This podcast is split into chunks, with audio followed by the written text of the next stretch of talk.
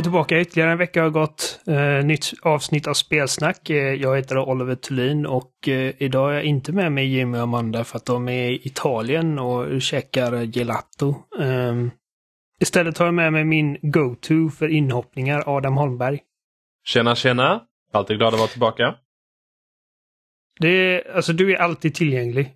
Så att du, du, är, du är alltid den första jag frågar när jag behöver Yes. ett inhopp. Det är ett snällt sätt att säga att jag inte har något liv. Jag uppskattar det. Uh, ja, jag menar, du sa det. Jag, jag, jag vet inte. Uh, ifall du har ett liv eller inte.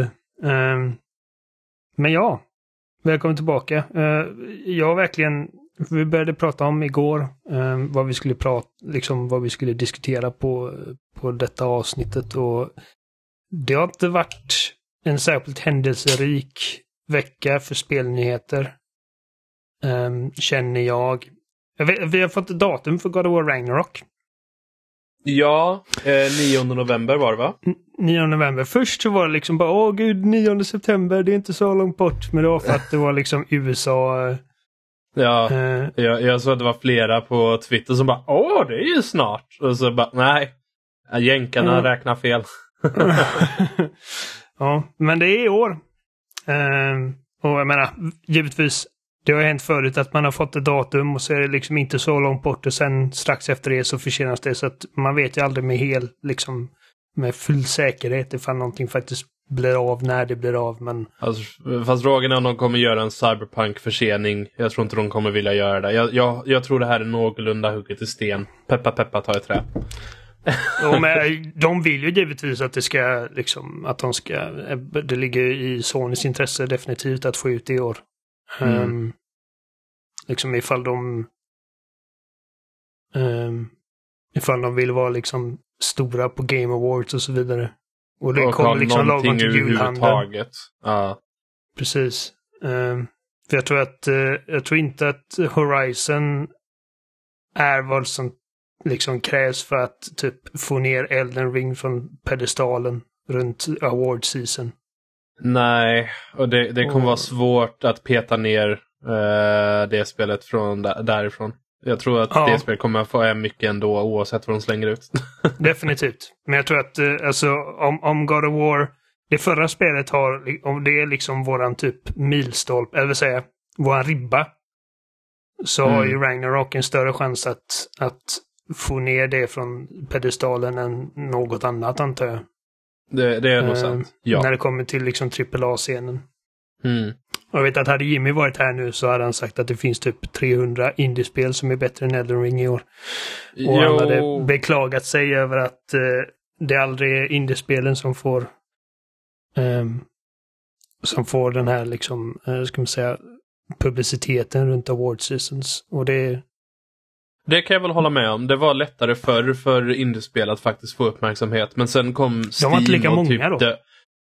Sen också Steam typ dödade indiescenen. Eh, med sitt eh, Greenlight-program och massa, ö, hela marknaden blev flooded av skräp. Så nu är det Mm. jättesvårt att hitta indiespel överhuvudtaget på grund av att det är så mycket sådana här low effort-spel eller bara typ sådana här uh, hentai-spel och sånt på Steam överallt. ja, men alltså för att det finns så mycket, det, det är lättare än någonsin för liksom amatörer. Ehm, och då menar jag inte amatörer i liksom i ett nedvärderande Nej, det, det är på sätt, gott utan och bara ont. liksom på hobby, hobbyspeldesigners. Liksom att jag hade tekniskt sett kunnat gå in på YouTube och liksom ta typ en liksom liten snabbkurs i Unity eller Unreal och, och börja liksom pilla ihop någonting. Um, om jag hade haft någon fantasi för att man behöver fortfarande en idé liksom. Men eh, verktygen är så lättillgängliga idag liksom att i princip vem som helst som vill eh, kan börja göra sina egna spel. Och eh, det blir ju så liksom att det, det är så jävla många spel. Liksom, jag tänker typ indiespelens liksom guldålder för mig är ju lite runt liksom Super Meat Boy, Ja, de här Eh, Xbox Live ja, Gold-tiden där. Fess Sa- och, och vad heter det, Braid. De Ja. spelen som, som de gjorde en dokumentär om. Ja. För det var en big deal. Liksom. Det var alltså okej, okay, men liksom det finns en marknad och liksom Mm. en publik för de här lite mindre eh, projekten. Ja, och jag kan säga att jag önskar att jag själv la mer tid på att spela indiespel. Det, bara, det finns så många olika och jag vet inte riktigt vad jag skulle börja och tycka om. Där är faktiskt ganska trevligt med Game Pass. Att det finns en del indiespel där. Mm. Som man liksom kan ge en chans. Det är en av de många anledningar som, som till varför Jimmy är en sån... Um, och även Amanda som också spelar en hel del um, Mm. indiespel. Att uh, det är en tillgång till podden. För att om det bara hade varit jag så hade det bara snackats om de stora spelen. För det är typ det jag spelar. jag... Uh, uh, ja, nej, jag har bara tid för de stora spelen. ja, Vilket är, jag menar, jag hade haft mer... Men nu ljuger jag. Nu sitter jag och säger att enda anledningen till att jag inte spelar mer indiespel är att jag inte har mer tid. Det är att liksom de stora spelen bara intresserar mig mer och ifall jag måste välja så blir det de stora spelen. det är lättare att känna... Det, det, det är som att gå till McDonalds. Man vet vad man får när man tar ett AAA-spel typ. Mm. Medan ett indiespel det kan vara vad som helst. Och det kan vara någonting som är det bästa man har spelat. Och det kan vara någonting som är så, som förolämpar en till kärnan. Man vet inte. Ja, jag förstår liknelsen även om jag tar lite så här offens över att jämföra liksom några av typ historiens liksom bara fetaste spelupplevelser som bara ah, skräpmat. jo, jo, men man, det man, man, man vet, det är som en kedja. Man vet lite mer vad man får. Det behöver inte vara negativt. Ja, nej, men det är det som har gått till din favoritrestaurang och liksom du väljer alltid typ eh, en viss typ av mat. Um, McDonalds. Ja. Ja, McDonalds. Ja, fan. Det var, vi firade min kompis eh, flickväns födelsedag så var vi på en sån här fancy restaurang. Där man beställde in eh, alla fick samma sak som, och så liksom var det så här mindre rätter, flera stycken som man liksom delade på. Och Mm. eh, Inget av det vi fick var någonting som jag vanligtvis hade beställt. Och det var det som var lite kul för att man fick liksom eh, testa lite. Men ifall man tar bort valet från dig. Så bara, och det här Mm. är vad du måste äta. Ja, okej, ja men då, då kör vi. Och så liksom är det en ny smakupplevelse. Även om jag inte känner att jag bara, oh det där var, jag har inte hittat min nya favoriträtt direkt. Ehm, men ja. Ehm, så God of War. eh, jag vet att vi pratade lite om det. De, alltså med, de, de, har inte, de har inte visat nytt gameplay eller så. Och, jag De känner har ändå att visat det, bara lite korta klipp. Och det är, väl, det är väl bra och dåligt men det ser typ ut som, det ser ut som God of War. Den senaste typ. ja, ja, men nu liksom som är nytt. De har gjort, liksom släppt en ny cinematic trailer har de gjort. Ehm, Ja. Och de har visat upp eh, liksom samlingsutgåvorna som innehåller en replika av eh, Mjölnir. Mm. Som för de som har levt under en sten nu senaste, typ som inte har sett en MCU-film så är det ju Tors hammare.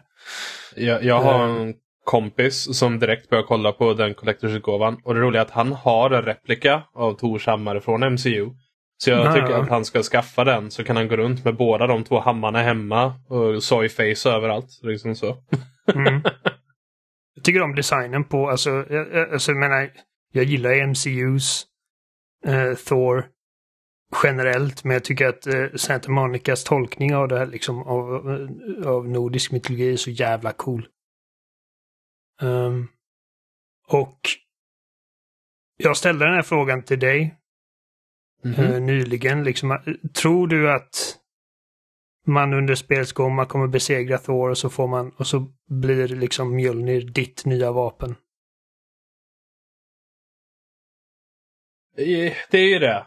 Liksom, det beror, liksom är Thor bara ett farthinder eller är han slutbossen? Det är det som kommer avgöra det, skulle jag säga. Det, det är det enda som, som, skulle, som skulle kunna vara något liksom rimligt motargument mot det. Ehm, att liksom, okej, hur snabbt vill vi eh, avverka Thor från storyn? Ehm, Mm. Alternativt ifall de, för att jag vet att eh, Barlog, när han skrev berättelsen i förra spelet så, så jämförde han Mjölnir var liksom eh, den här världens atombomb. Och de här dvärgarna Mm. som, eh, som eh, smidde, är det va? Säger man smidde? Ja. Smedjade? Smidde?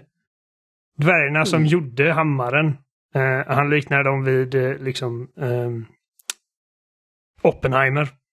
Liksom, alltså någon som har skapat någonting alldeles enastående, något fantastiskt som sen visar sig ha liksom enorm destruktiv kraft och liksom typ det här liksom sammetskvalet som kommer med det.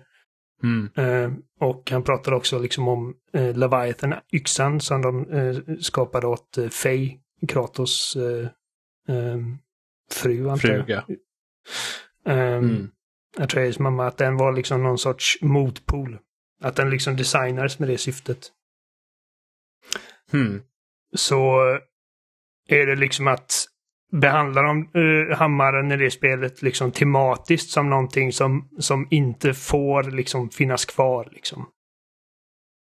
Ifall man, ifall man, förstö- ifall man dödar Thor kommer det vara liksom att vi måste göra oss av med denna.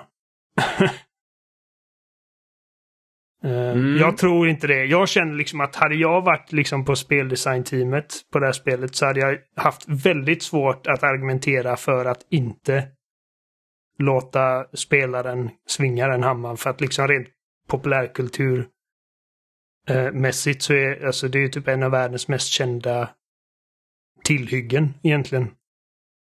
Det är typ Mjölnir, det är Excalibur, det är ljussabeln. Mm.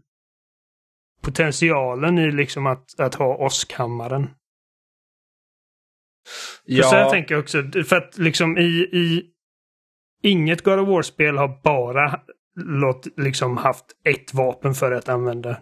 Liksom alla, alla spel har haft liksom något nytt kul tillhyggat. Nej, eh, det är ju bekräftat att både Leviathan Axe och eh, Blades är ju fortfarande vapen man använder Precis. i det nya.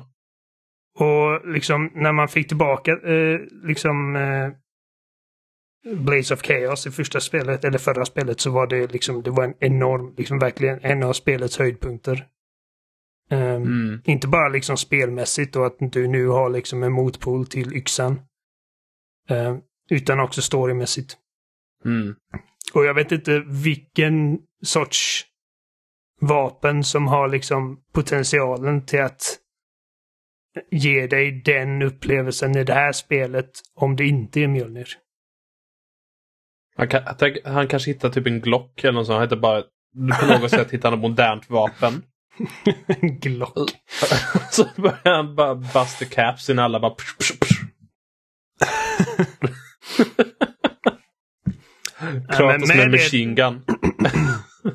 Med det sagt så tror jag inte att Thor kommer vara spelets liksom sista boss eller huvud, huvudsakliga antagonist. Utan jag tror faktiskt att det är eh, att den rollen kommer falla på antingen Freja eller Oden.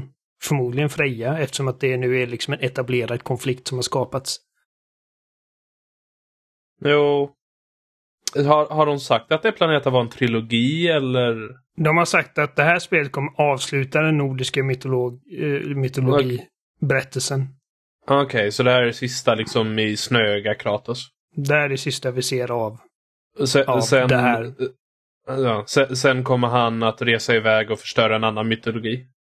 Ja, typ åka till Egypten och Ja, jag vill Mm. verkligen se eh, en tolkning av egyptisk mytologi faktiskt.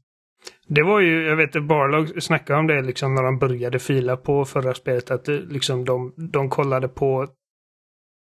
Det stod mellan antingen nordisk eller egyptisk. Och i slutändan Mm. så blev det nordisk. Så jag känner att ifall, ifall de tar vidare. Jag tror inte att... De lär ju inte liksom begrava den här serien med nästa spel. Utan det lär ju bli mer God of War i framtiden. Och då tror jag att liksom... eh, Vi kan förvänta oss egyptisk mytologi. Mm. Ehm, Jag vill se mer än Assassin's Creed göra det. Ja. Men egyptisk mytologi har massa cool skit också. Ja, Ehm. Och jag tycker ändå det, för att de sa, de sa liksom att de här spelen tar så lång tid att göra nu att vi, vi, vi tänker inte, vi vill inte låta spelaren vänta liksom decennier på att få se slutet på en berättelse vi har börjat liksom. Det är därför de, de gör detta den avslutande delen av det här kapitlet liksom. Mm. Det, det är bra, Ehm. då, då kan man ju förvänta sig i alla fall få ett riktigt slut. Jag uppskattar det som fan för att det är liksom att vi har, vi vet hur detta kommer sluta. Det är inte att vi, som jag säger, som jag så ofta säger med tv-serier, liksom när, när serieskaparna bara sitter och liksom, vi fortsätter så länge folk eh, tittar, liksom. Att vi har liksom ingen, vi har ingen plan över hur det här ska gå, vi bara fortsätter att skriva.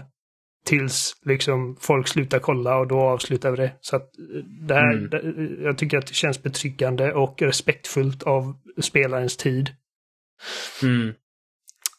Um, allting behöver liksom inte vara en utdragen så här typ decennier lång resa. Nej.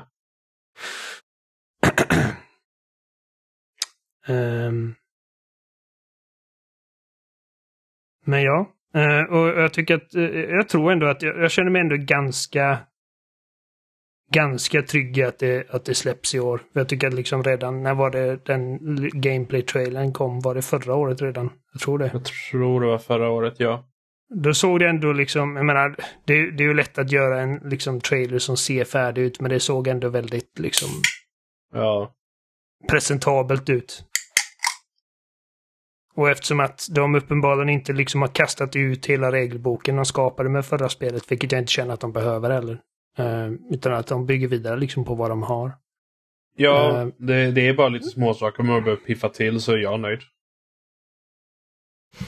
Eh, jag tycker man ser att de, de leker lite med, med vertikalitet i bandesign och sånt. Man ser liksom att Kratos slänger sig ut över en, över en kant och drämmer ner hammaren i skurk, på en skurk under.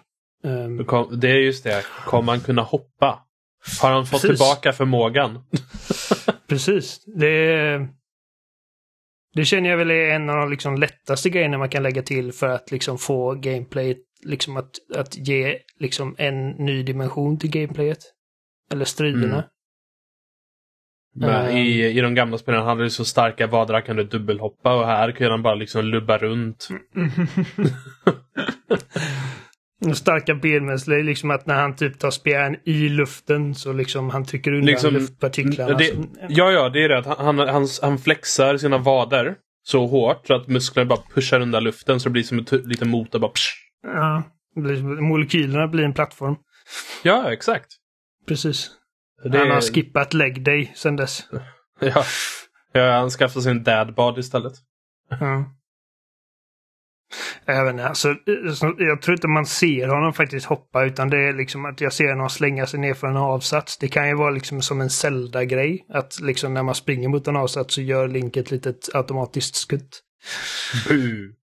Eh, Det inte så det är också möjligt. Men det hade varit kul ifall de, de hade en hoppknapp. Ja. Eh, liksom bara för vad man, liksom, vad man kan göra liksom med fler typ olika sorters kombos och grejer. Mm. Ehm, jag, alltså jag ser löjligt mycket fram emot det här spelet. Och, och det är primärt Ja. liksom bara för att jag, jag, jag kan knappt bärga mig tills jag får se liksom hur den här storyn avslutas. Och det är ändå släpps i november. Det betyder att man har råd att spara ihop till de 850 kronor det kommer kosta att köpa det. Mm, precis. Jag lägger undan en peng varje dag tills dess. Ja. Eh, ja. God of War. Vi ser fram emot det. Vi kommer Mhm. prata mer om det när det släpps. Vi kommer säkert ha en spoilercast också. Jag tror vi hade Mm. det för förra spelet. Eh, ja, ifall du, ifall du är intresserad av att vara med på det så kan du hänga på. Ja, ja. Står dörren öppen så smiter jag in. Eh, vad har vi spelat på sistone? Jag har varit bortrest ett par dagar så att jag har inte spelat lika mycket. Det enda jag spelade, var- jag spelade Portal. Eh, Mm, du skaffade på Switch. Precis. Ehm, och jag spelade så långt som att jag kom till stället där man egentligen ska bli grillad liksom. Ah, okej, till twisten. Ja. Och sen blev det inte mer för att jag glömde min laddare hemma. Nobu. Men Portal är fortfarande skitbra. Portal är fantastiskt. Eh, Portal 1 är ett av de bästa spelen som har gjorts rent designmässigt. Eh, och längdmässigt. Det, det, är verkligen, det... är verkligen enastående, alltså liksom hur, hur mycket man lyckas göra. För att liksom, idén är bara att du har ett vapen, den skjuter två portaler, den ena ansluter till den andra och hur mycket man kan göra bara med den lilla liksom, mekaniken. Mm.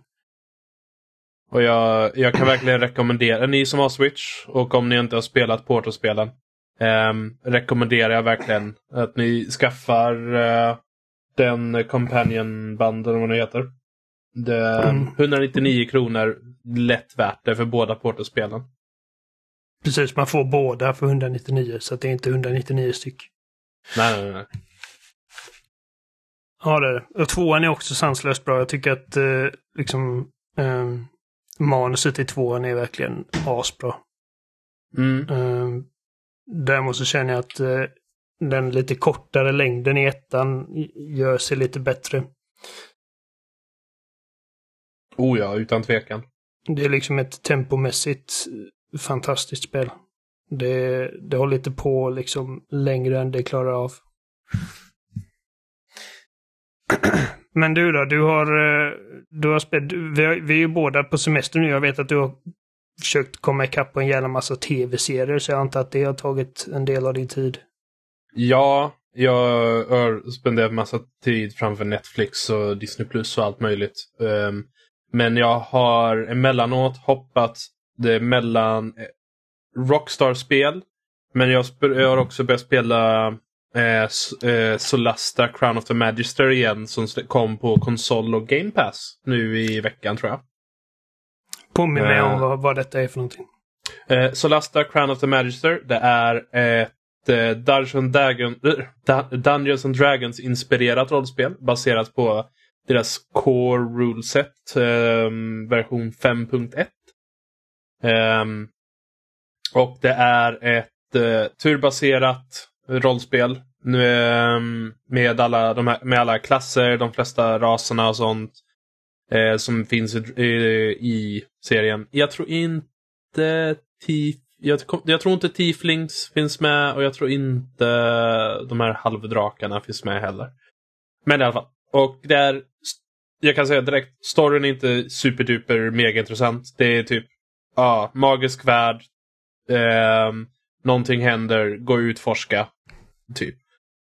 Um, någonting för att bara dra igång storyn. Utan det är liksom me me spelmekaniken och Dungeons Dragons reglerna som man spelar det här för. Uh, så man har då ett party på fyra karaktärer med helst olika klasser. Och så levlar de upp och har olika förmågor och class abilities och sånt man kan bygga ihop och forma sina karaktärer. Och så är det intressanta turbaserade strider. Så jag tycker det är väldigt, väldigt intressant faktiskt. Uh, det är väldigt kul att uh, köra, lite, köra de här striderna och är en utmanande strid och man förlorar så är det liksom okej, okay, hur kan jag göra?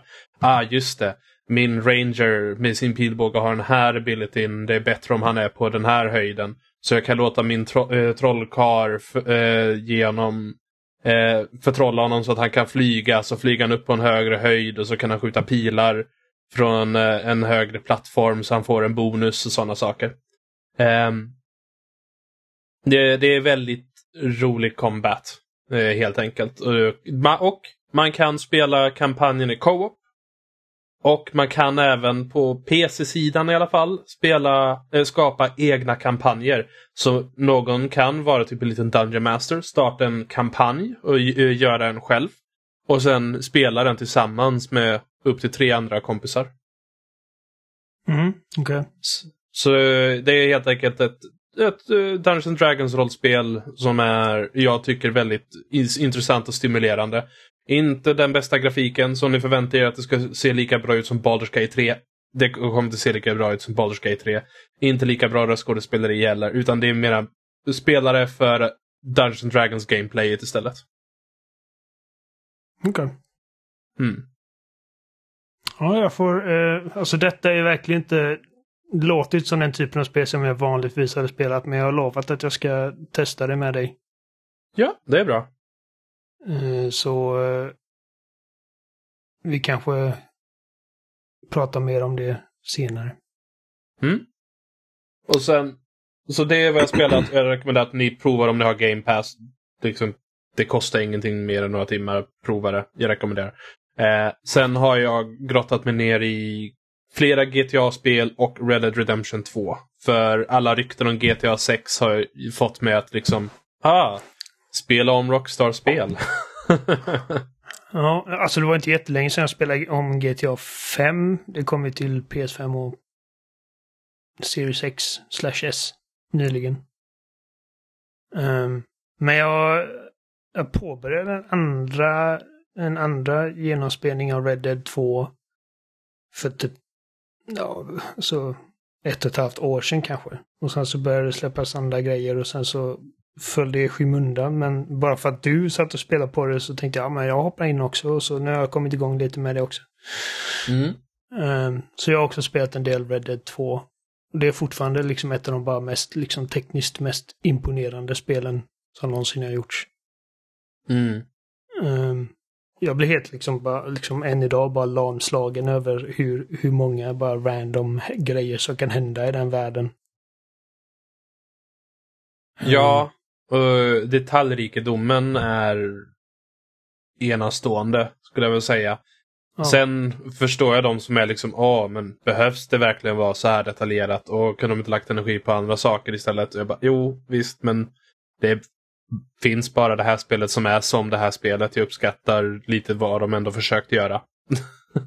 Ja, men vart ska man lägga den? Alltså jag känner inte att det är liksom någon särskild aspekt av spelet som saknar energi eller arbete lagt på det. Ehm, Nej.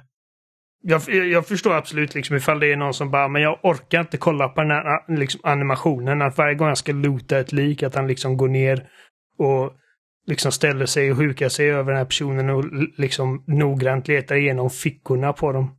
Alltså, Eller hur man detaljerat flår en kanin. Ja. Eller eh, liksom varje gång man ska leta igenom en låda, att han liksom bokstavligen drar ut lådan och så får man typ välja vad man ska plocka ut ur lådan. Jag kan förstå liksom att ja, men det, det bara sakta ner liksom Mm.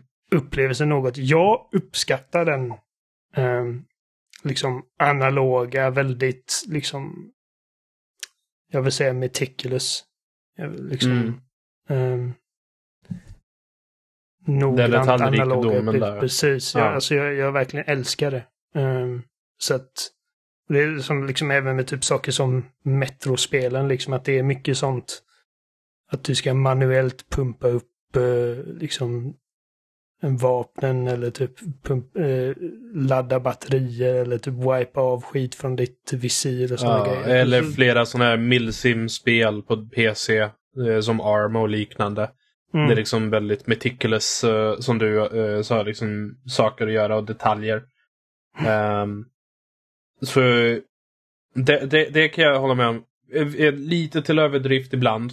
Men det är fortfarande liksom, man, man lever sig in i världen väldigt mycket. Mm. Eh, skulle jag säga. Och jag tycker fortfarande att Arthur Morgan är en väldigt intressant karaktär att följa. Ja, verkligen. Och Han är typ bättre än John Marston. Eh, eh, faktiskt. Eh, däremot så önskar jag att spelet inte var riktigt lika eh, slow burn i början. Det, det är svårt att komma igång med, med dem när man spelar om det för att det är ganska utdragen start på spelet. Ja, det, jo, det är det verkligen. Alltså jag har den här hjärnskadan eller whatever som gör att jag glömmer av allting så fort jag har gjort någonting. Så att för mig är det liksom, det är lätt för mig att spela om spel för att jag liksom det är inte som, inte som att jag spelar det för första gången igen, men det är liksom att alla de här detaljerna som du ofta kommer ihåg, Mm, eh, de, de är borta för mig. Så att mm. det kan vara, det kan vara en anledning till att jag spelar om grejer så mycket. Ja, jag, jag tycker om att spela om spel men det är liksom, ah, uh. Som eh, eh, Star Wars Knights of the Republic, jag spelar ganska ofta om det. Men de flesta gånger jag startar upp Knights of the Republic då är det liksom ah, måste jag spela om Taris igen? Ah, jag har inga krafter än. Mm. Um, så de, många spel som har den här i princip slutna tutorial-världen. Där är det ganska um, Ja, det, det, är inte jättekul för den som spelar om i, igen. Eh, där kan jag tycka till exempel att GTA-spelen är lite lättare att spela om för där kommer man igång ganska snabbt med de här uh, med storyn och småbrotten och sådana saker. Det är inte heller alltid riktigt lika styrt. Liksom, ah, I början av Red Dead Redemption 2, ah, man är i snöiga berg, var ska man gå? Man kan inte riktigt gå någonstans. Det är liksom uppdrag på uppdrag på uppdrag. det är väldigt ja. linjärt fram tills man kommer till Valentine. Jo. Uh, men det, det, är det enda egentligen super... Okej, okay, det är också... Det är väldigt slow burn i början och det är väldigt baktungt. För det är typ de sista två kapitlerna i spelet. Det är då typ all, större mängder av alla sidouppdrag kommer. Skulle jag säga. Ja just det, det blev mycket liksom... Ja, uh, jag var tvungen att typ skippa saker bara för att nej fuck it, jag har spelat det i typ 40 timmar. Jag vill bara bli klar med det nu. Mm. Så ja. Men... Det, alltså, äh... det som är spännande med, eller det, en av grejerna jag uppskattar med Red Dead 2 är hur det berikar berättelsen i Red Dead 1. Ja, mm. så, det är inte helt kompatibelt med hur de beskriver händelser i Red Dead 1. Men jag tycker fortfarande för det mesta att det gör det du säger, att det berikar eh, liksom karaktärerna, deras ursprung och historien de har med varandra. Det finns säkert liksom eh, någon dialograd här och där som, som kanske låter lite konstigt så här i efterhand. Men på det stora hela så är det väl liksom att jag spelade om ettan efter tvåan någon gång. Och eh, efter att ha spenderat så många timmar i det här gänget och liksom verkligen fått lära känna dem för att storyn i Red Dead 1 kretsar mycket kring John Marstons gamla gäng. Och man får liksom reda på att de gick igenom mycket tillsammans och när man faktiskt får se vad de gick igenom. Mm. Um, så liksom när man ser Javier igen, uh, eller Bill liksom, och man, mm. och man ser tillbaka på, på grejerna de har gjort tillsammans och vad de utsatts för. Um, mm. Så liksom det, det för med en extra tyngd till till de scenerna. För att när man, när man spelar det första gången... Dutch skulle jag säga. Absolut, framförallt Dutch. Mm. Um, och jag tycker att Dutch är väldigt... Uh, alltså han är jävligt intressant i Red Dead 2. Han är inte med så jävla mycket i Red Dead 1, men han sätter definitivt sitt avtryck. Han är så väldigt bra röstskådespelare. Vem är det som gör rösten till Dutch? Jag vet inte vad han heter, men en, han ser inte ut som Dutch. Han är en väldigt stor kille. Uh, uh, Benjamin Byron Davis. Just det. Okej. Okay. Jag bara kollade igenom hans IMDB lite snabbt. Men ja. Eh, jag, han... han har liksom kunnat spela typ en sån här liksom Frost Giant i en Thor-film eller någonting. alltså han ser verkligen, han ser massiv ut. Ja. um,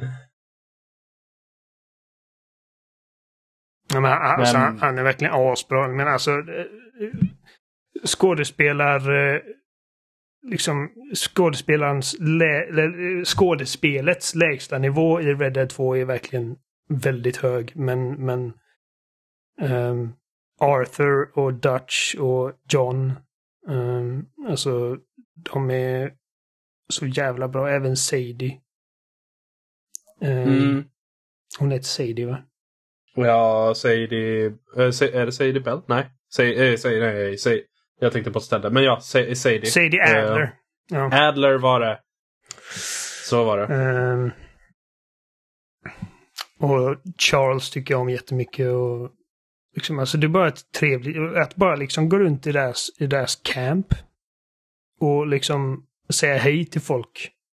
Ja. Och att det känns aldrig som att man får samma, liksom, det är alltid en väldigt liten interaktion, men, men det är aldrig samma.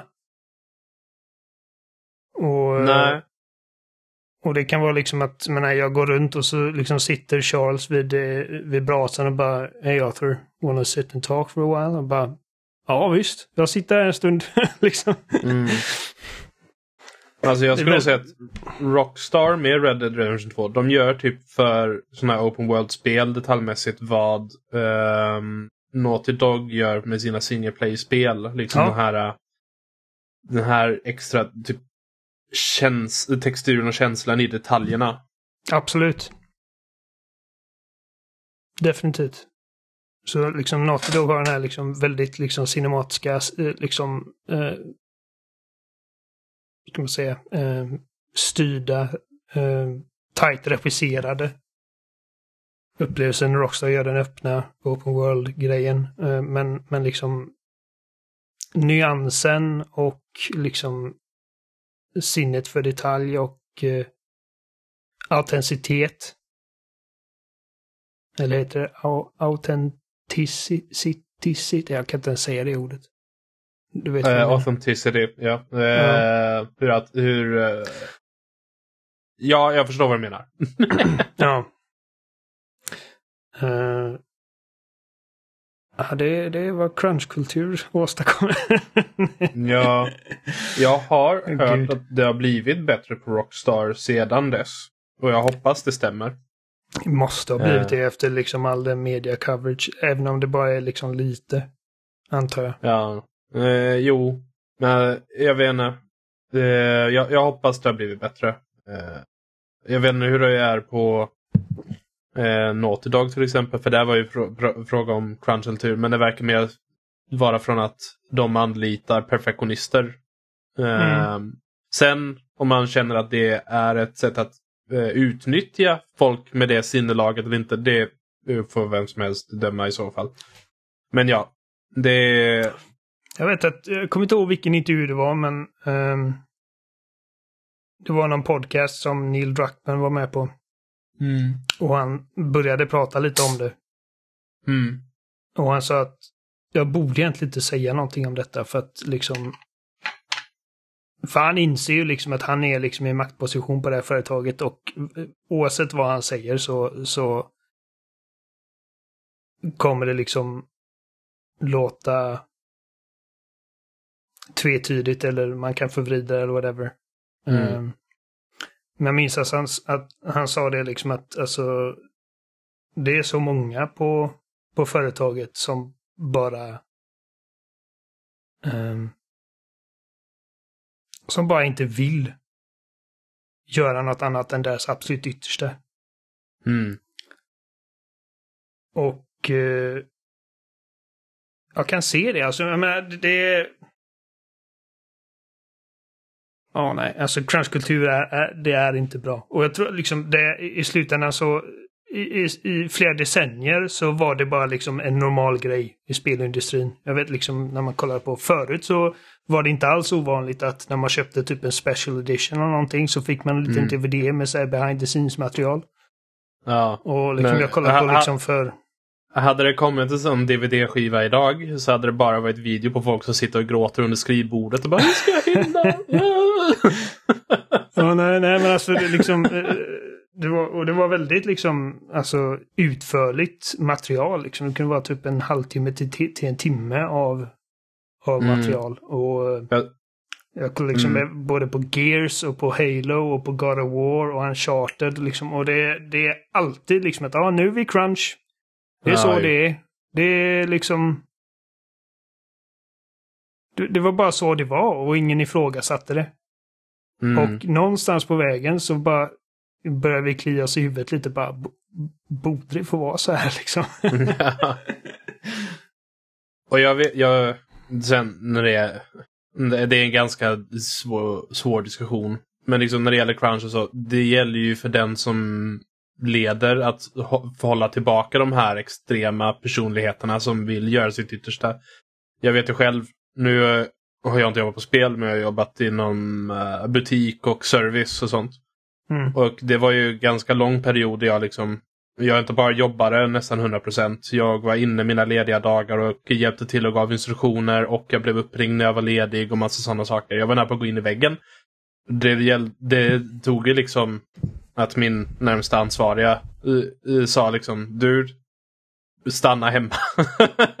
mm. För de som verkligen vill göra sitt yttersta och göra sitt bästa, de inser ju inte alltid att det ibland är skadligt för dem själva. Så det, det är ju ofta en position de som är liksom ansvariga för ledarrollerna, det är de som ska se till att det inte händer. Och det är ofta Absolut. där det fallerar. Så, och sen har vi liksom, jag menar, alltså crunch på ett företag med, med, med väldigt liksom unik företagskultur och så vidare. Mm. Är ju inte alls samma sak som crunch på ett annat företag där kulturen är en annan. Um, Nej, till exempel jag kan tänka mig att crunch till exempel på Naughty Dog inte är samma sak som crunch på Bioware. När de eller gjort, Dice. Äh, gjort, eller Dice. Precis. Uh, så ja. Men det, det, är en diskussion för folk som är lite mer kunniga än oss, skulle jag säga. Ja, och erfarna framförallt. Och det, det är därför liksom jag känner att jag... Det, det är svårt att det är svårt att prata nyanserat om det. Ja. Um, jag jobbar med folk nu som har arbetat på på DICE och, och på IA i många år och liksom haft riktiga skräckhistorier. Mm. Um, och det är liksom alltså, alltså verkligen dystopiskt. Um, och det låter i alla fall liksom, jag menar, nu ska man ju såklart inte ta det at face value när man lyssnar på Neil Druckmann som är i en väldigt hög position på Naughty Dog, men det låter inte riktigt så illa. När han säger liksom att uh, att de flesta som jobbar där är så hängivna och så perfektionistiska att det liksom eh, att det ofta är ett eget val. Men sen kan man också inte veta exakt hur mycket ett eget val det är. För ifall ja, man säger så här liksom... att det är liksom Ja, men vi, vi, ifall ni vill stanna kvar så får ni gärna göra det liksom. Och då ja, blir och ni hjältar. Säger, liksom. Ja, och om vi, säger att, om vi säger att vi har tio stycken arbetare och kanske sju av dem är perfektionister som gör det här frivilligt. De sista tre stannar de verkligen kvar för att de vill eller för att grupptrycket får dem att känna att Precis. de måste arbeta lika mycket som de andra. Ja. Det, det, det är där liksom arbetskulturen måste liksom toppstyras i princip och hålla sig skick. I, liksom i, i, i, i eh, de får dra lite i kopplet ibland. Precis. Så att liksom det här med övertid är ju liksom i sig inte en dålig grej. Nej, så länge man är kompenserad för det. Precis, och det ska ju regleras också att man, att man ja. får se till som ledare då liksom att, att uh, samma person inte stannar varenda dag hela veckan. Mm. Eh, oavsett om det är fritt val. För då är det liksom okej, okay, du har valt att stanna här liksom tre kvällar i rad. Nu, nu beordrar jag dig att gå hem. Liksom en skaplig mm. tid. Så att... Uh, ja, nej, det, det är komplicerat som fan. Och det är just ja. med liksom spelutvecklingen och liksom att det är... Ett spel är aldrig perfekt polerat. Liksom. Alltså du kan aldrig lägga för mycket tid på att polera ett spel. Och det är därför crunchkulturen kom till första, liksom från första början. För att liksom ingen arbetstimma är bortslösad på ett spel. Eftersom att det alltid kan bli mer polerat. Inget spel är liksom perfekt byggt. Mm. Um, så men liksom Last of Us är ju liksom ett, liksom, vad ska man säga, generellt ett oerhört välpolerat spel. Um, mm. Men när det släpptes så fanns det liksom en bugg som, sl som slank igenom. Typ, liksom någon så här sparfilsbugg som gjorde liksom att folk förlorade sin progress. Så att liksom... Ja. Jag förstår Men... hur den kulturen har uppstått. Det är bara att det är liksom... Alltså när det kommer till den punkten liksom att folk bara liksom, nej jag kan inte jobba kvar i den här industrin längre ifall jag vill leva till 60. Liksom. Mm. Och som sagt, ifall liksom någon lyssnar på detta, ifall det är någon som har, som har varit i industrin och lyssnar på detta och tycker att vi liksom pratar helt i våra arslen så har du förmodligen rätt för att liksom som sagt. Eh, vad fan vet vi? Alltså. Oliver antagligen inte rätt, men. Eh, ja. Precis. ja, jag, jag, jag, det, nej. Vi vet inte. Jag menar, Nej. det... Vi bara Men- snackar. Ja. Eh, men ja, GTA. De har ju i princip övergett eh, Red Dead 2, vilket jag känner... För det, det kom Ja. en nyhetsstory i veckan om att de, de överger utvecklingen av... Att de kommer inte Red supporta Dead Online Red Dead 2 och så. online. De, de, kommer ju, de kommer ju släppa små uppdateringar och lite saker att göra så, men de kommer inte släppa någonting större i stil med eh, GTA Online. Det kommer de inte Nej. göra. Ut, utan det är i princip all hands on deck för GTA 6. Detsamma med att de har lagt ner, eller de har sagt, de har bortprioriterat arbete på remasters av Red Dead 1. Och, Och eh, GTA 4. Ja. Förmodligen så är det någonting som inte startat full produktion. Men som de har Nej. liksom typ eh, diskuterat och, eh, och liksom haft seriösa konversationer om åtminstone. Mm. Eh, och eh, så istället är det liksom nu är det all hands on deck för GTA 6. För att liksom, alltså nästa år är det tio år sedan det senaste GTA-spelet släpptes. Så då, och det har liksom, alltså, det har verkligen varit en framgång för dem om man säger så. de har levt Ja, gott för de- spelet. De har sålt några exemplar. och GTA Online blev större än, liksom, än, än någon hade kunnat föreställa sig. Och jag tror att eh, beslutet att eh, lämna Red Dead, on, Red Dead Online lär inte ha varit så jävla... Jag har inga siffror på detta, men jag kan inte tänka mig att det var i närheten lika många som spelade Red Dead 2 online som det var GTA Nej, 5. ja. Och GTA 5 har sålt 165 miljoner exemplar. Eh, sales. Och Red Dead Redemption 2 har sålt 44 miljoner exemplar.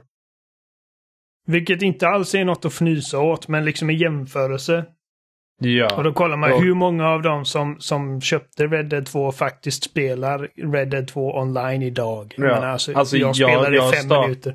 ja, samma här. Jag spelade inledningen och sen bara hopp. Och så slutade jag spela. Men jag, samma Ja. sak, jag spelar inte mycket GTA online heller. Bara för att folk bara fortsatte spränga mina bilar. Så ja. Jag har kört en hel del GTA, men, men, men det är ingenting jag återkommer till regelbundet. Nej. Men det är ändå... Jag, jag har hört att det är mycket roligare om man spelar på, ehm, med, med kompisar på en egen server. Med privat lobby. Ja, Eh, eh, än att köra med att det är 32, eller 30, alltså 30-tal andra spelare som susar runt tydligen. Men eh, jag har inte provat det så jag vet inte. Jag, menar, alltså, jag, jag tror inte jag känner någon som, som har lagt mer än ett par timmar på Red Dead Online 2. Ehm, Nej. så att jag vet inte, jag tror inte att det blev liksom någon enorm framgång för dem. Nej, Men, eh, och det, det var ju direkt från början var det folk som klagade över liksom hur systemet fungerade och det var, jag tror det var lite långsamt för att folk skulle köpa de här, var det guldtackor eller vad det nu var, något sånt. Kanske. Eh, det, det är liksom li, lite pay to win hörde jag gnäll om. Uh, säkert rättfärdigat. Eh, och sen tog det lång tid för dem att släppa uppdateringar för eh, de olika roller och sånt man kan spela som. Så det var ju, folk var inte jättenöjda från första början och sen har det bara inte tag, sen har de bara helt enkelt inte kunnat hålla takten uppe för att göra spelet bättre för spelarna. Nej. Så som jag tolkat det. Så det är därför GTA... Eh, så GTA har ju rullat på. För där behöver de inte göra särskilt mycket så som jag förstått det. Medan Red Dead har liksom haft mer systematiska problem för att göra det kul. Du eh, örfilade mig med en liten kul fakta nyligen. Mhm. Eh, om att det nu har gått längre tid sen GTA Vice City släpptes än det gick mellan releasen av GTA Vice City och det Året årtal som spelet sig. utspelar sig. Ja, jag läste det på Twitter och jag bara stannade upp en stund. Och så tittade jag mig i spegeln, tittade på mina grå hår och sen la jag mig och grät i en timme. Det utspelar sig 1986. ja. Så, Så det var, det släpptes 2000... Var det 2002? 2002. Ja, 2001 var GTA 3 eh, och eh, 2002 var Vice City. Så, Så ja. var typ 18, vad är det, 18 år då?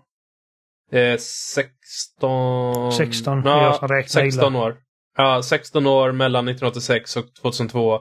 Och det är snart 20 år sedan. Eh, jag vet inte vilket datum det var. Mellan eh, 2002 och 2022. Det känns fan inte... Nej, det känns konstigt alltså. ja, det, det känns bisarrt. Snart så kommer vi säga samma sak om Red Dead. Det har gått längre, längre tid sedan Red Dead släpptes än när, än när det utspelade sig och det släpptes.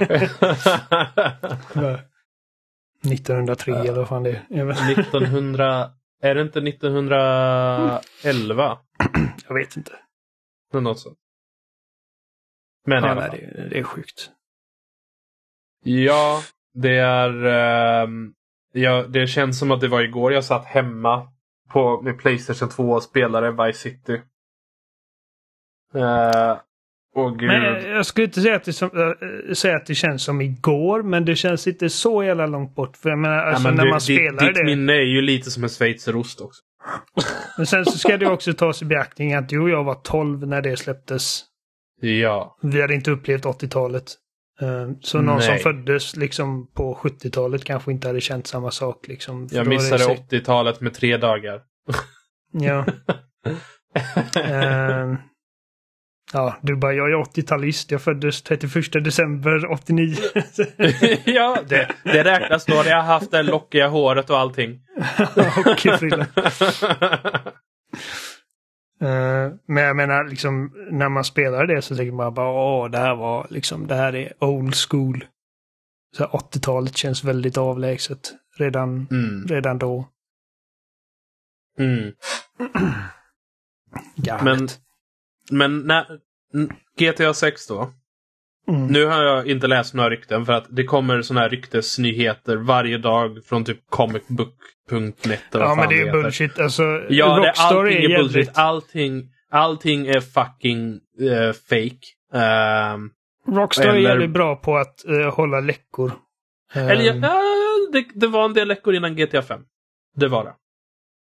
Eh, jag kommer ihåg hur Ja. jag läste läckor som till exempel hur man skulle kunna eh, hälla ut bensin och dra du vet, spår och sen tända eld på det och spränga. Så jag bara bullshit, Xbox 360 kan inte göra sånt. Liksom så. Och jag hade fel. ja. Men, eh, men så, det, det har, tidigare har varit så, men det här, liksom med tanke på att det har tagit så lång tid för dem. Allting som har varit liksom läckor som tidigare. Ja, antagligen stämmer ingenting av det längre alls. Som det har varit i sådana här pre-production evigheter. Nej, men alltså, jag, jag brukar inte vara den som säger att liksom alla så kallade läckor är bullshit. Men när, när, när man bara ser dem på sajter som Comic Book och skit eller liksom de här riktiga clickbait-sidorna. Ja. Nej, nej, ifall, jag, de, ifall det jag, inte snappas upp av liksom... Eh, jag har typ- slutat läsa allting som har med det att göra. I princip. Är Så fort, min hjärna ser knappt ens GTA 6-nyheter. Jag Jag måste slänga in ett annat spel i, eh, i, na- i artikelnamnet för att jag ska eh, läsa det. Jag får faktiskt svindel när jag tänker på liksom hur de ska toppa deras tidigare verk med detta spelet. Ehm, Ja, för att jag har faktiskt ingen aning. Nej, alltså det, det, jag, jag har nämnt lite att det enda sättet de kan toppa det på det är att återgå lite till simulationen eh, igen. När, de, när vi har mycket bättre processorer och eh, mycket snabbare lagring och allting. Eh, så det är tipptopp nu, det vi har. Ehm, jag vill ha mer simulation och mer fysiksimulation som är typ GTA 4. Och jag hoppas på att de kanske har fler uppdrag eller sånt där vi kanske kan systematiskt utnyttja dessa saker. Eh, lite mer sandlåda och inte riktigt li inte lika många uppdrag som är just eh, ultralinjära. För det är någonting många kritiserar Rockstar senare spel på. För att det är väldigt linjärt och ja, viker man av lite och försöker vara lite kreativ så får man typ mission failed och sådana Mm. saker. Eh, Jag vet att vissa tycker om att åka berg och dalbana. Jag tycker också om det. Men när man har den här stora öppna världen, liksom att slänga in liten snudd på frihet hade varit kul. Ja, ja men det är definitivt alltså en av de absolut vanligaste punkterna av kritik som kom från särskilt Red Dead 2. Um, Mm. Så att det är någonting de kan arbeta med, givetvis. Men jag tänker liksom bara på ett, liksom på ett större plan. Att, ehm,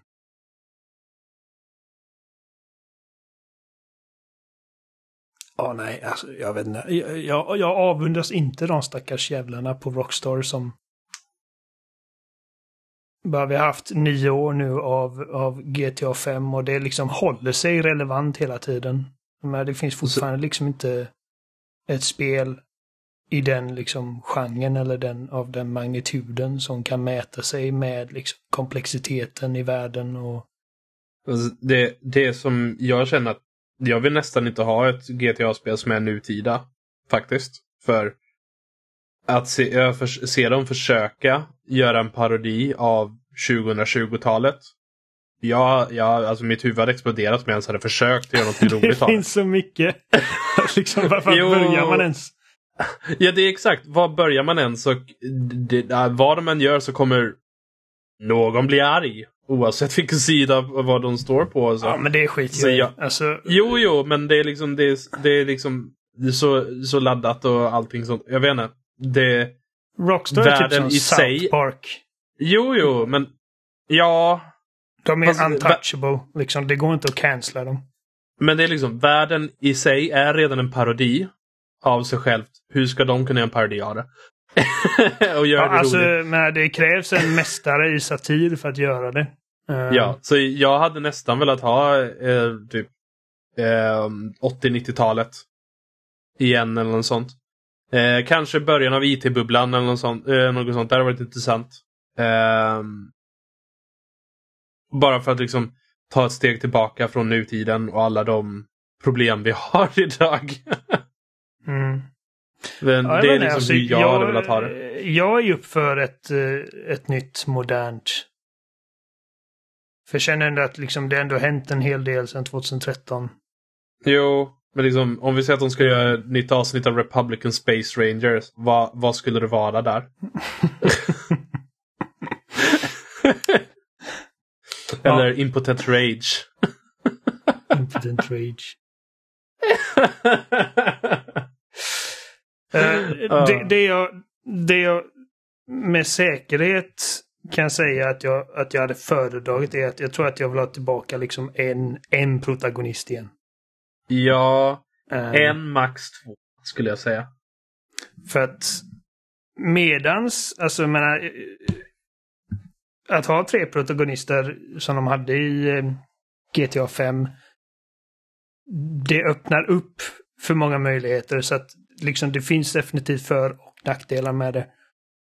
Ehm, det absolut de gånger som spelet drog absolut mest nytta av det var liksom under uppdragen. Där du kan få Mm. olika perspektiv på samma typ heist eller vad det nu kan vara.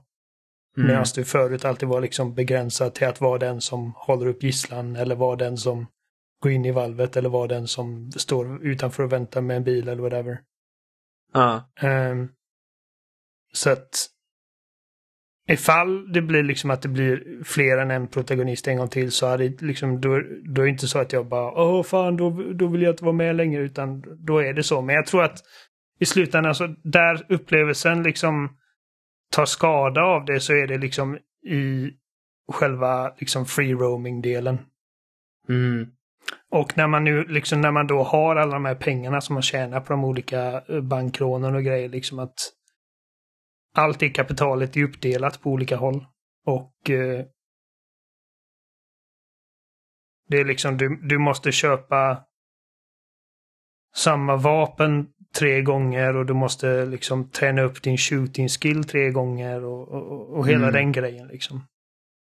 Det jag vill se, om vi säger en max två protagonister, fine. Liksom så. Men det jag vill se är mer low level crime. Det var kul med heister och sånt, men jag hoppas de inte gör bara samma sak igen.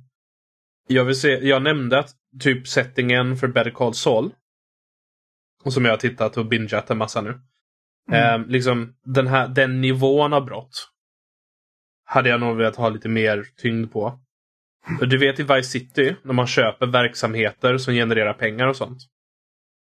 Ja. Uh, jag hade velat ha någonting som är lite att, okej, okay, uh, jag, jag håller på med de här lågnivåsbrotten och så bygger jag upp de här verksamheterna och sånt.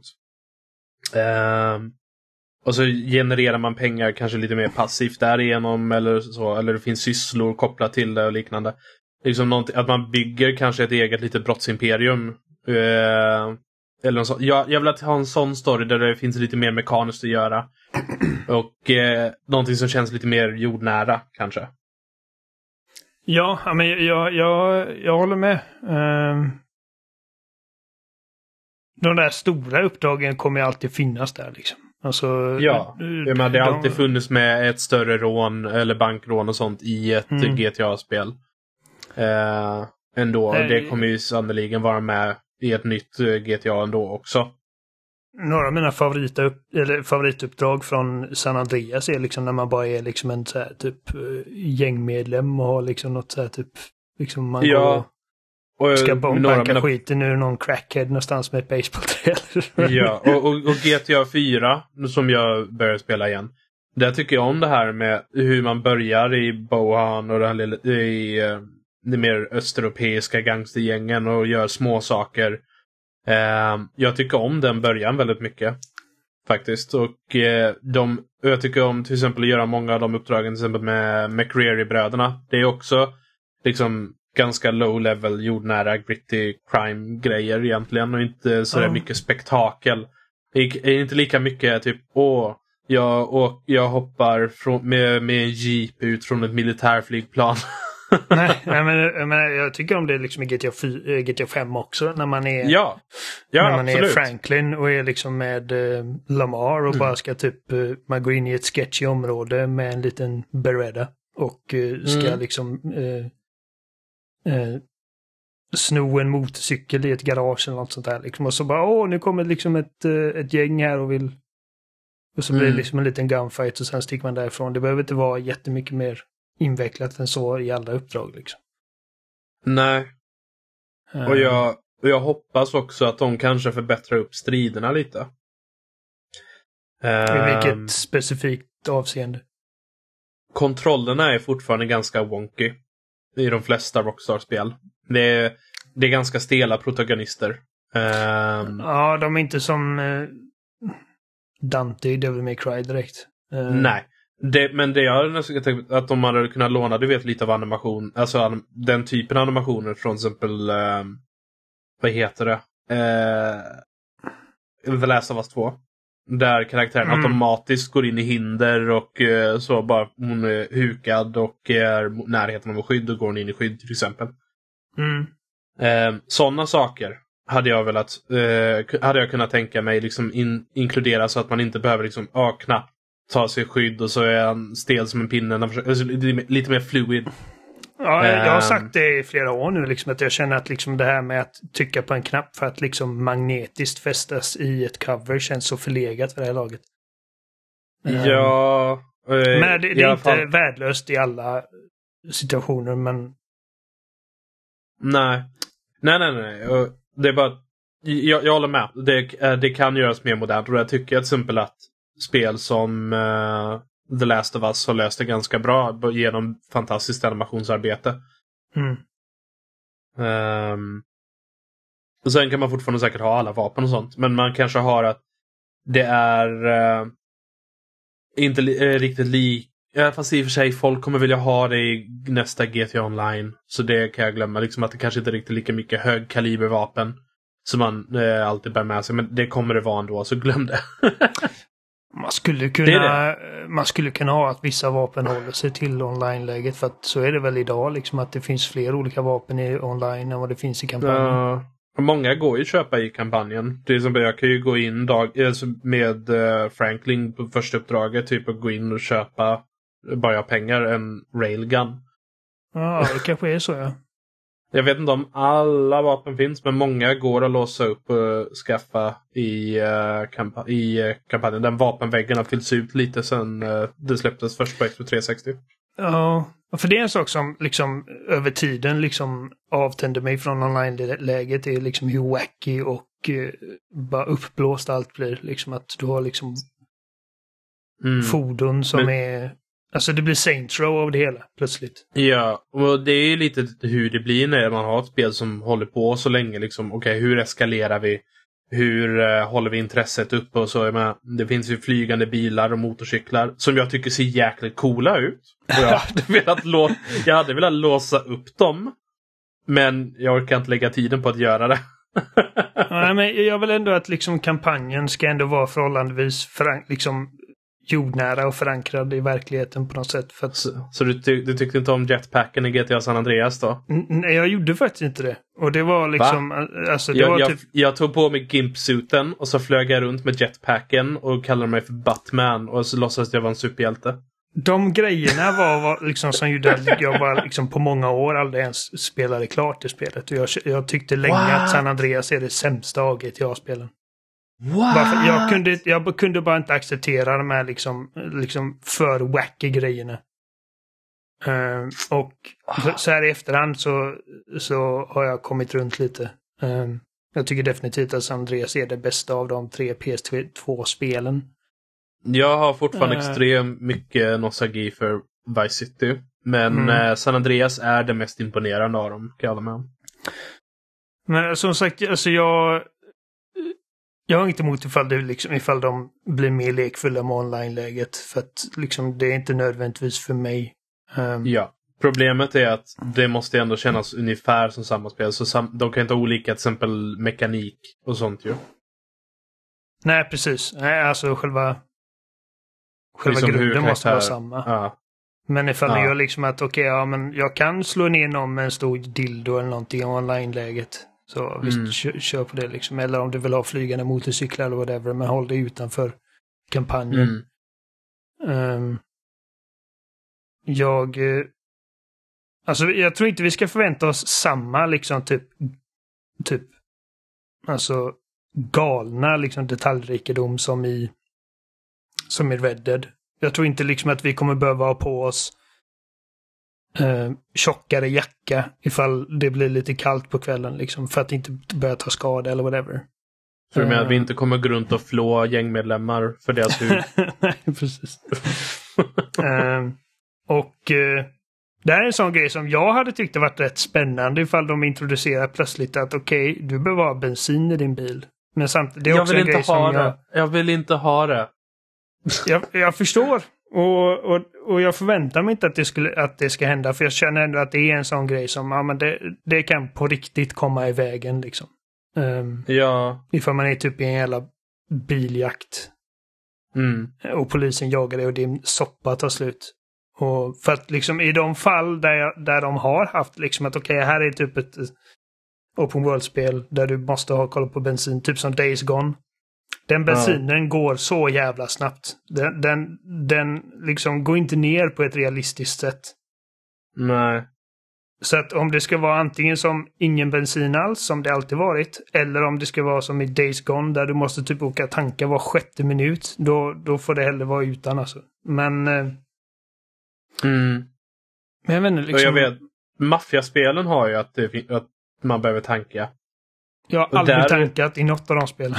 Nej, och då känns det liksom, är det verkligen värt att behöva ha den detaljen då om man ändå inte behöver? Precis. Det, mm. det är en bra fråga. Uh, sen har jag också tänkt liksom, okej, okay, ska, ska vi göra polis-AI lite mer strikt? Uh, för att nu är det liksom att så länge du inte krockar med en polis eller mördar någon eller slår någon liksom, så, så är, är du i princip... Du behöver aldrig vara rädd för att liksom få polisen efter dig.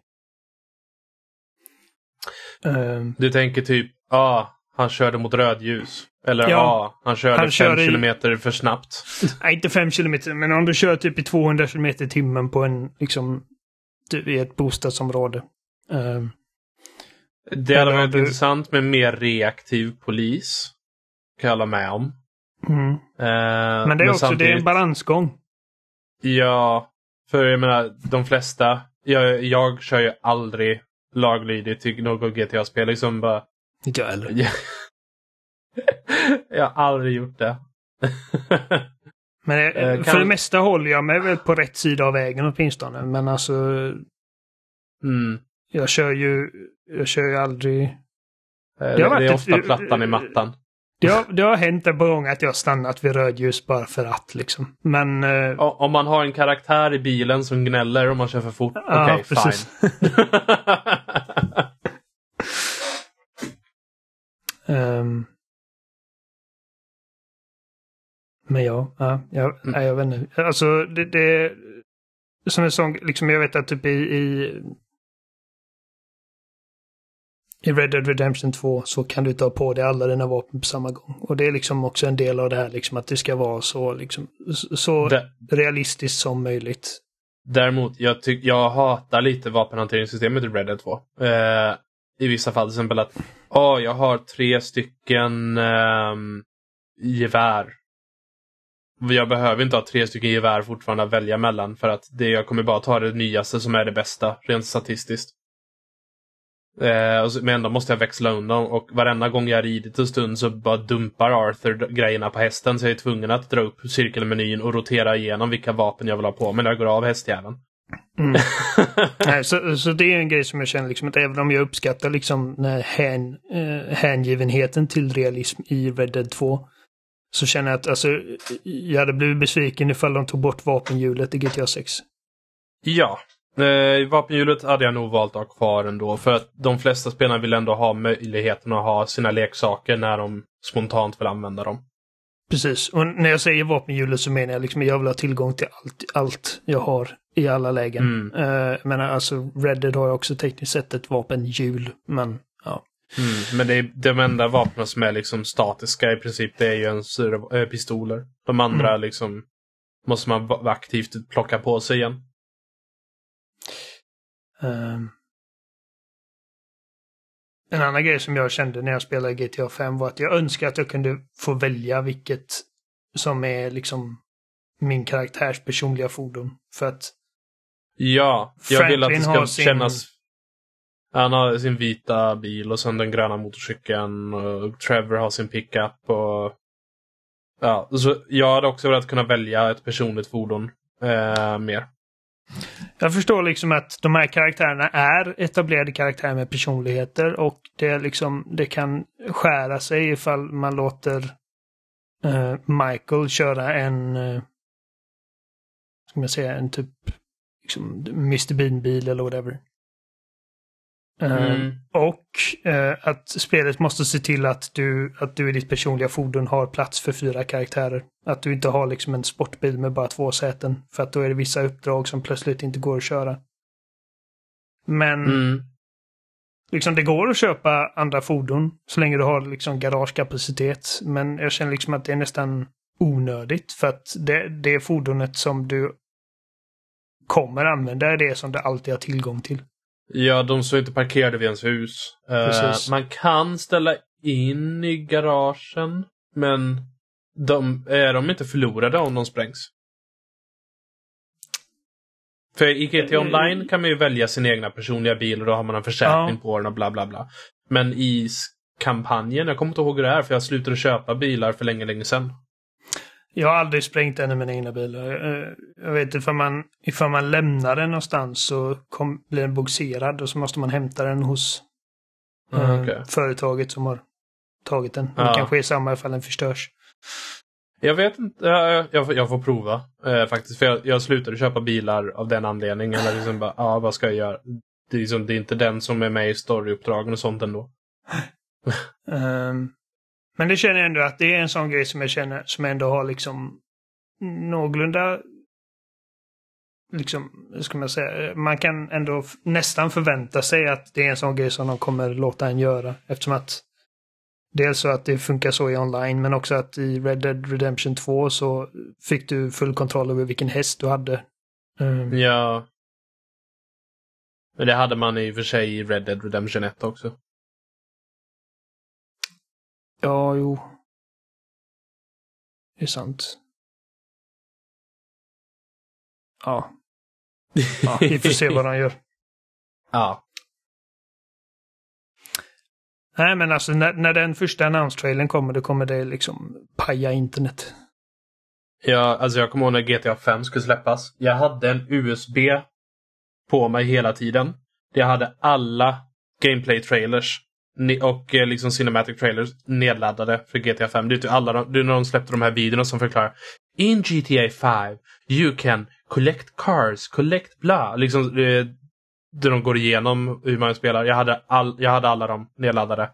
Och mm. alla trailers med musikklipp och sådana saker. Så bara glodde jag dem om, om igen. Och jag gjorde samma sak med Red Dead eh, 1. Jag gjorde samma sak med GTA 4. Jag hade alltid dem nedladdade från Game Trailers hemsida. Ja. Um, Nej, men jag kollar dem om och om, om, om, om igen. Ja. Det var... Det, det är alltid sån extrem hype när det gäller Rockstar-spel för mig. Sen kanske inte jag alltid älskar alla i slutändan lika mycket, men det är alltid sån hype. Det är därför jag var så hypad på GTA, GTA-trilogin. Remaken där, för jag tänkte, åh, jag har spenderat över tusen timmar i GTA San Andreas som barn. Nu är jag redo att lägga tusen timmar till. och sen, det blir sen blev det som det blev. Men, nej. det, hade, det, det hade det nog inte blivit även om det var världens bästa remake. Nej, men eh, kanske i alla fall hundra.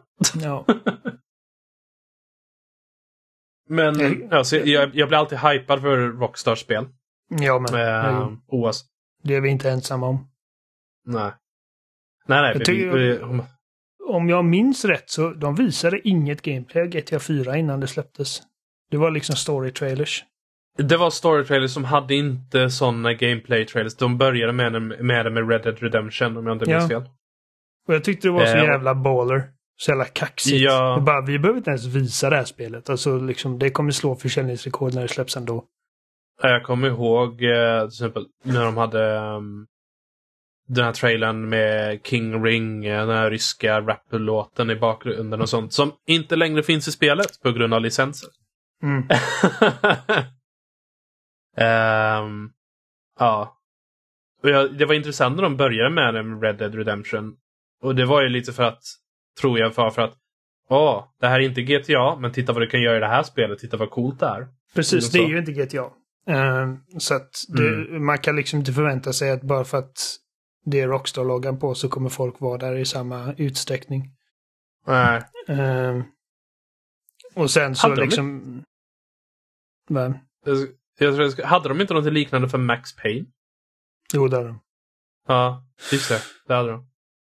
Och liksom, de, de har kommit fram till att liksom vi, menar, de här spelen hade sålt oavsett, men vi drar ändå nytta av att visa upp det ändå. Det, liksom. det bygger hype och de gör ja. ju saker på ett så unikt sätt. Så då, det, det är bara logiskt att visa upp. Och det här kan du göra i det här spelet. Det här kan du inte göra i ett annat spel. Jävlar, jag råkade slå till micken. Uh, ja, nej men precis. Det är, eftersom att de, de ständigt höjer ribban för sig själva hela tiden. Liksom att det, bara att liksom visa liksom ett klipp av en karaktär som gå genom staden och interagera med saker. Mm. Eh, det kommer skapa bass liksom.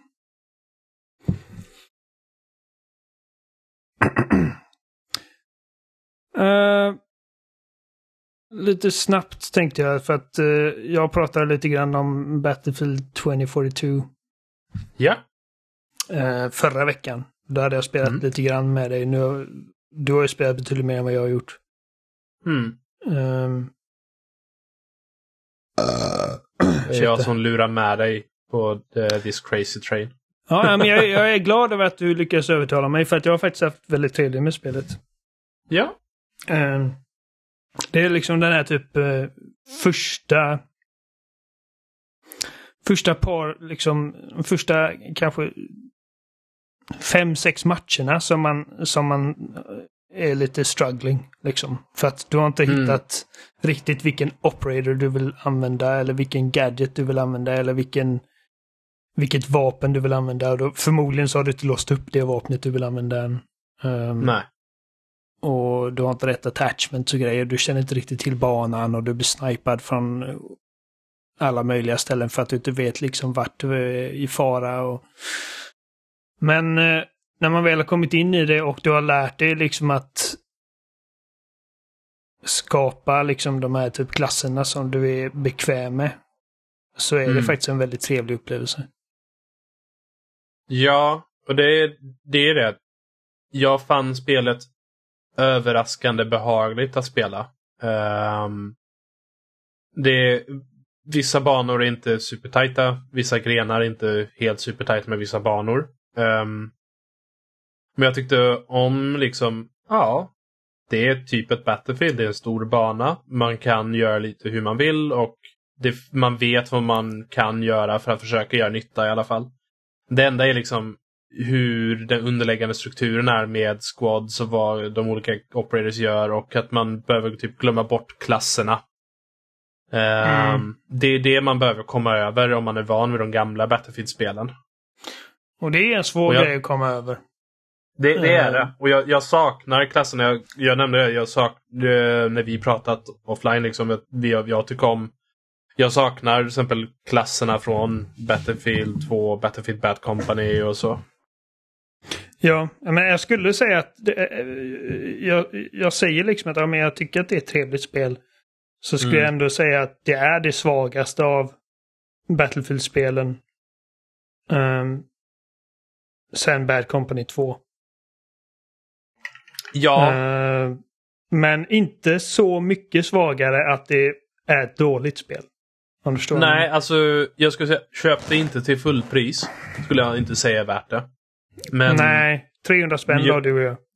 Ja, 300 spänn skulle jag säga. Ja, jag har lätt tjänat ihop. Eller lätt känt, fått värde för de pengarna på de typ 40-50 timmar jag har spelat på det. Typ.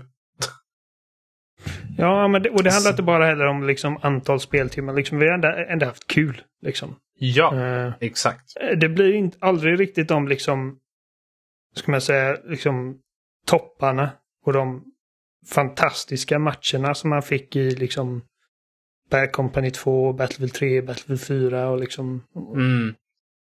Um, och jag tycker liksom Battlefield 1 också är ett jävligt bra spel och Battlefield 5 är också bra. Um, Battlefield 5 kunde vissa stunder vara riktigt, riktigt bra. Ja. Ja, i slutändan känner jag att Battlefield 5 är, är också svagare än de föregående spelen. Ja. Uh, I vissa avseenden, men, men det är fortfarande ett bra spel.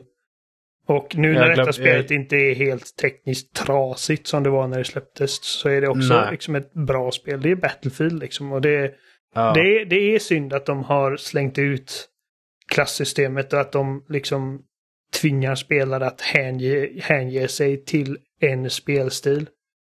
Ja, att, och jag tycker det är synd att de också inte har det rörsystemet de introducerar med Battlefield 5 också.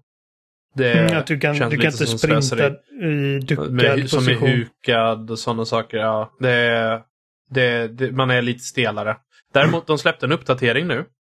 Man mm. kan uh, nu röra sig på marken samtidigt som man uh, siktar in och, eller, och uh, om man ligger ner och siktar.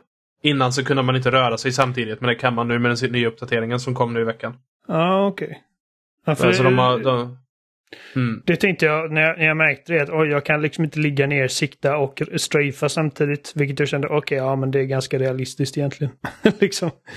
Ja, men, men uh, de, de har ändrat på det nu. Uh, okay. Så nu ska man kunna flytta sig samtidigt som man siktar in. Så är man en sniper och behöver skifta sin position någon, någon meter eller något sånt så går det att göra. Å andra sidan så har de gjort grejer som att du kan du kan ladda om ditt vapen utan att släppa ditt ja. scope. Som de gjorde med, eh, som de gjorde med eh, 2019s Modern Warfare. Ja. Vilket jag gillar. För att det är liksom att du är så fort så fort omladdningen är redo så är du redan liksom med siktet där du vill ha det.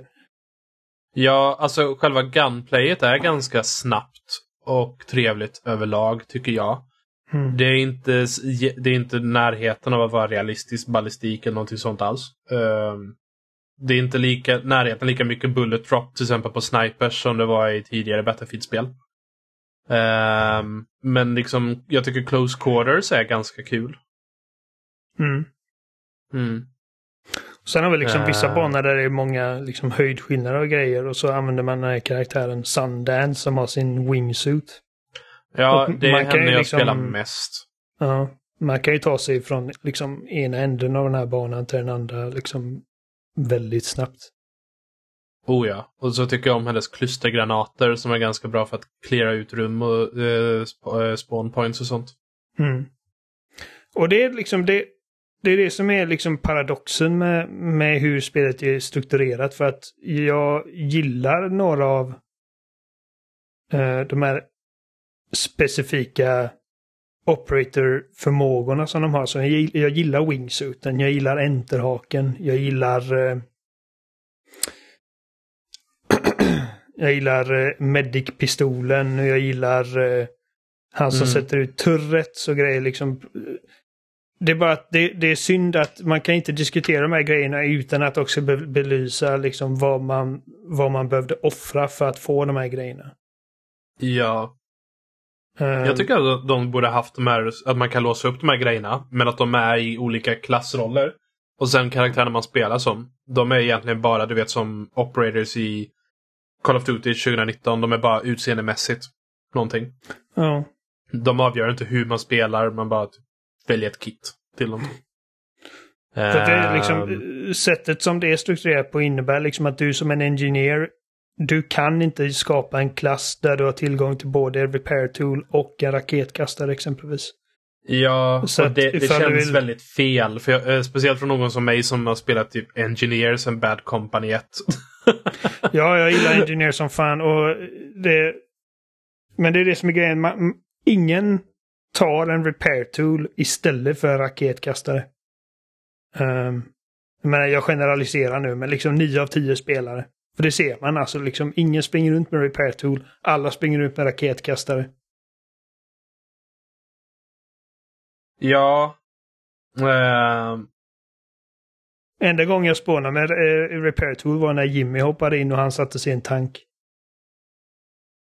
ja, och det, det, det är synd att man förlorat liksom det här med specifika roller istället för att alla gör någonting typ allt i allo.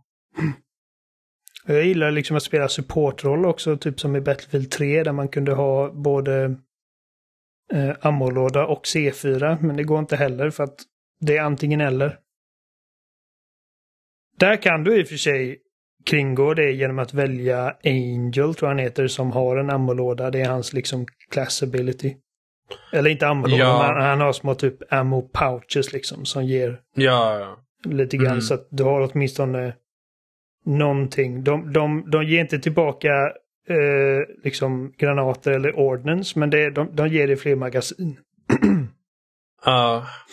man, Eh, men så vad heter hon den C4 antar jag. nya? Vad heter hon den nya eh, som kan styra sin raket? Jag kommer inte ihåg vad hon heter. Ja, men jag tror man kan ha henne med en um, Repair repair. tool. Mm. Ja, det man ha. man mycket mer utsatt när man skjuter den raketen. För den, Ja, det det går inte att dumbfira den, utan man måste guida den. Ja, Och det är svårt. Jag är världens bästa på att träffa precis framför, precis bakom fordon. den är, ja, den är svår att träffa med. Och, och det, medan du styr den här raketen så är det ju liksom din karaktär är ju helt eh, liksom öppen. Mm. Så att, jag menar, även om jag tycker spelet är bra så, så känner jag också att spelet hade varit ännu bättre om det var liksom mer eh, traditionella klasser. Och, eh, Mm. Men det finns säkert folk som, som, som tycker att jag är fel. Eller av, liksom, eh, det, finns, det finns ju folk som tycker att liksom valfrihet är liksom per automatik det bästa. När du kan, du kan, du kan ha en klass som Jag menar, om du väljer Angel så Mm. har du en som dels han kan reviva vem som helst på ditt lag. Han kan Mm. också ge ammo pouches. Och du kan ge Mm. honom en sniper. Och en anti-air rocket launcher. Ja, det, det är en schweizisk armékniv som heter duga skulle jag säga. Precis. Och det finns säkert folk som bara, åh jag älskar att jag kan snipa folk, ge folk ammo, reviva folk och skjuta ner helikoptrar. Mm. Ehm, och det finns ju liksom, man kan argumentera för att det är liksom det bättre. Men bara när det kommer till liksom speldesign. Alltså att- det, det, det, som de har gjort det är att det är mycket lättare för de som inte har liksom en, en squad eller kompisar att spela med att bara hoppa in. Och bara spela sin grej, ja, precis. Ja, så där är Battlefield 2042 väl, en stor uppgradering för den som inte har kompisar eller eh, någon att spela med just då. Liksom bara hoppa in, spela som si, sin karaktär och, så, och fortfarande känna att den gör nytta på sitt sätt. Men det ska, det är lite det som har varit DNA till Battlefield, det här med att spela med folk i grupp i ett lag. Ja, för att Eh, Även om DICE- det alltid... Ja. DICE liksom gör ju, liksom, ska man säga, väldigt samarbetstunga eh, online-shooters. Och det de har Ja. gjort med det här spelet är att de har sagt att vi litar på att ni vet vad som är bäst för laget. Och det gör vi inte. liksom, Nej. Vi behöver bli guidade. Liksom. Vi, behöver, vi behöver någon som håller oss i handen och säger att det här är vad som är liksom... Alltså bara... Klasssystemet uppmuntrar folk till att spela på ett sätt som gynnar laget. Mm. Eh, för att liksom om man spelar typ Bad Company 2 Battlefield 3. Det var inte omöjligt att liksom man blev, om man satt i en tank och att någon helt random spelare bara sprang och, och kom och lagade din tank för att han bara råkade ha en repair tool. Ja, det, det gjorde jag Eh. hela tiden. Ja, ja men jag Ehm. med. Eh, och men det, det, det är väldigt ofta man blir revivad åtminstone. För att det finns två operators. Två populära operators som kan reviva. Uh, vem som helst Ja. laget. Så att eh, liksom just den där liksom i hela, det, det är lätt, liksom väldigt lättillgängligt i spelet. Utan Det jag känner är liksom som att verkligen ta, har tagit skada så är det liksom ehm, det här med att man backar upp varandra med heals, Mm. eh, jag vill säga repairs och, eh, och ammo och sånt framförallt. Ja. Och det... öh, jag, jag kommer ihåg Bad Company 2 där det var liksom att ah, Recon. Då, om man ville ha målsökande raket på en fiende så skulle en Recon paint, liksom måla, eh, paint a target Mm, i princip. Så kunde andras raketer styras av det. Det tyckte jag var supercoolt. det är Men coolt. Och det med- existerar ju inte längre på samma sätt. Nej, och frågan är för att men jag har spelat det här säkert i 15 timmar. Jag, men jag Ja. vet inte exakt hur mycket, men jag, tror jag tror inte det är mindre än 15 timmar. Det kan vara mer. Mm. Och den, den mackapären den kallas eh, Soflam. Ja. Eh, Den finns fortfarande i spelet, bara att den, du måste levla så mycket innan du låser upp den. Liksom, att jag, jag, jag har inte ens sett den i spelet. Nej. Eh, Men jag, har ju sett liksom att okej, nu är det en helikopter som är liksom lasrad. Så att någonstans på banan är det en liksom. Men det är alltså... Ja, nej. Jag, jag vill låsa upp den. Ja, jag vill, jag vill ha... Jag, nästa Battlefield då vill jag ha klasser igen och jag vill ha bättre, jag vill ha lite mer synergi mellan klasserna. Ja, Så att de kompletterar varandra bättre. Och så vill jag ha att man kan hukspringa. ja precis. och mer förstörelse. De kan, jag, de kan lätt strunta i 128 spelare om de kan ha mer förstörelse istället till nästa Battlefield känner jag. Ja, jag känner inte att just det här, liksom, för att det var en grej typ även när spelet utannonserades, liksom att åh, nu har vi dubblat spelarantalet från 64 till 128. Ja. Eh, det var liksom en, ja, deras liksom stora grej. Eh, och jag Där- känner inte jag kan att det är... Jag, jag kan känna ändå att det är ganska imponerande att det är 128 spelare men det känns aldrig liksom... Det är inte ofta det känns som att det är åh det här är på tok för många spelare. Det finns Nej. vissa flaskhalsar på vissa platser men det är aldrig liksom som att åh gud det är så många, det, jag, jag fastnar, jag, det är en hel klunga här bla bla bla. Utan det, det känns ändå som att folk är hyfsat utspridda. Jo, det är de. Ehm, men jag skulle också argumentera för att, liksom, att, att just faktumet att det är 128 spelare på, i, i spelet nu inte ger det jättemycket. Nej. Nej, Liksom, det, det, jag, det jag kan känna att det det gör mer med de ökade spelarna överlag, det är ju 64 spelare breakthrough i så fall. Mm. Mer, mer än Conquest. Ja, där precis. känns det mer som att det ökade spelantalet, för där där är lite mer koncentrerat. Lite. Eh, Men ja. det är där man mer känner av det för att de, eftersom banorna är så mycket större i Conquest så märker man inte av det här större spelantalet riktigt lika mycket. Nej, precis. Ja, oh, nej, men jag... Nej, jag tycker det... Jag har haft kul med det och jag... Jag är sugen på att spela mer. Mm, jag, jag kommer att spela mer. När jag, jag ska...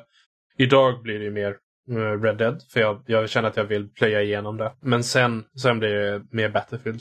Jag har mm. några veckor kvar på semestern så jag kommer ha tid. yes. Okej okay, Adam, jag känner att vi, eh, vi har fyllt upp ett eh, avsnitt nu. Ja. Det hoppas tack för jag. Att, tack för att du kommer backa upp mig igen. Ingen fara. Uh, påminner alla om uh, vart du håller hus. Um, för tillfället så har jag ingen fast uh, plats så jag skriver ju det är paus med det hela just nu. Men jag finns på Twitter, eh, adaL90. Där postar jag ofta tankar om eh, spel, nyheter, vad jag spelar, saker jag gör, sådana saker. Så det är där jag huserar just nu. Yes. Uh, och oss hittar ni... Ni vet vart ni hittar oss. Bara... Faktiskt. vi, hörs, eh, vi hörs nästa vecka eh, och då är... Jag tror att Jimmy och Amanda är tillbaka från Italien då. Så att tack för att ni lyssnat ytterligare ett avsnitt av Spelsnack så hörs vi. Ha det bra med er. Hej då Adam. Hej hej.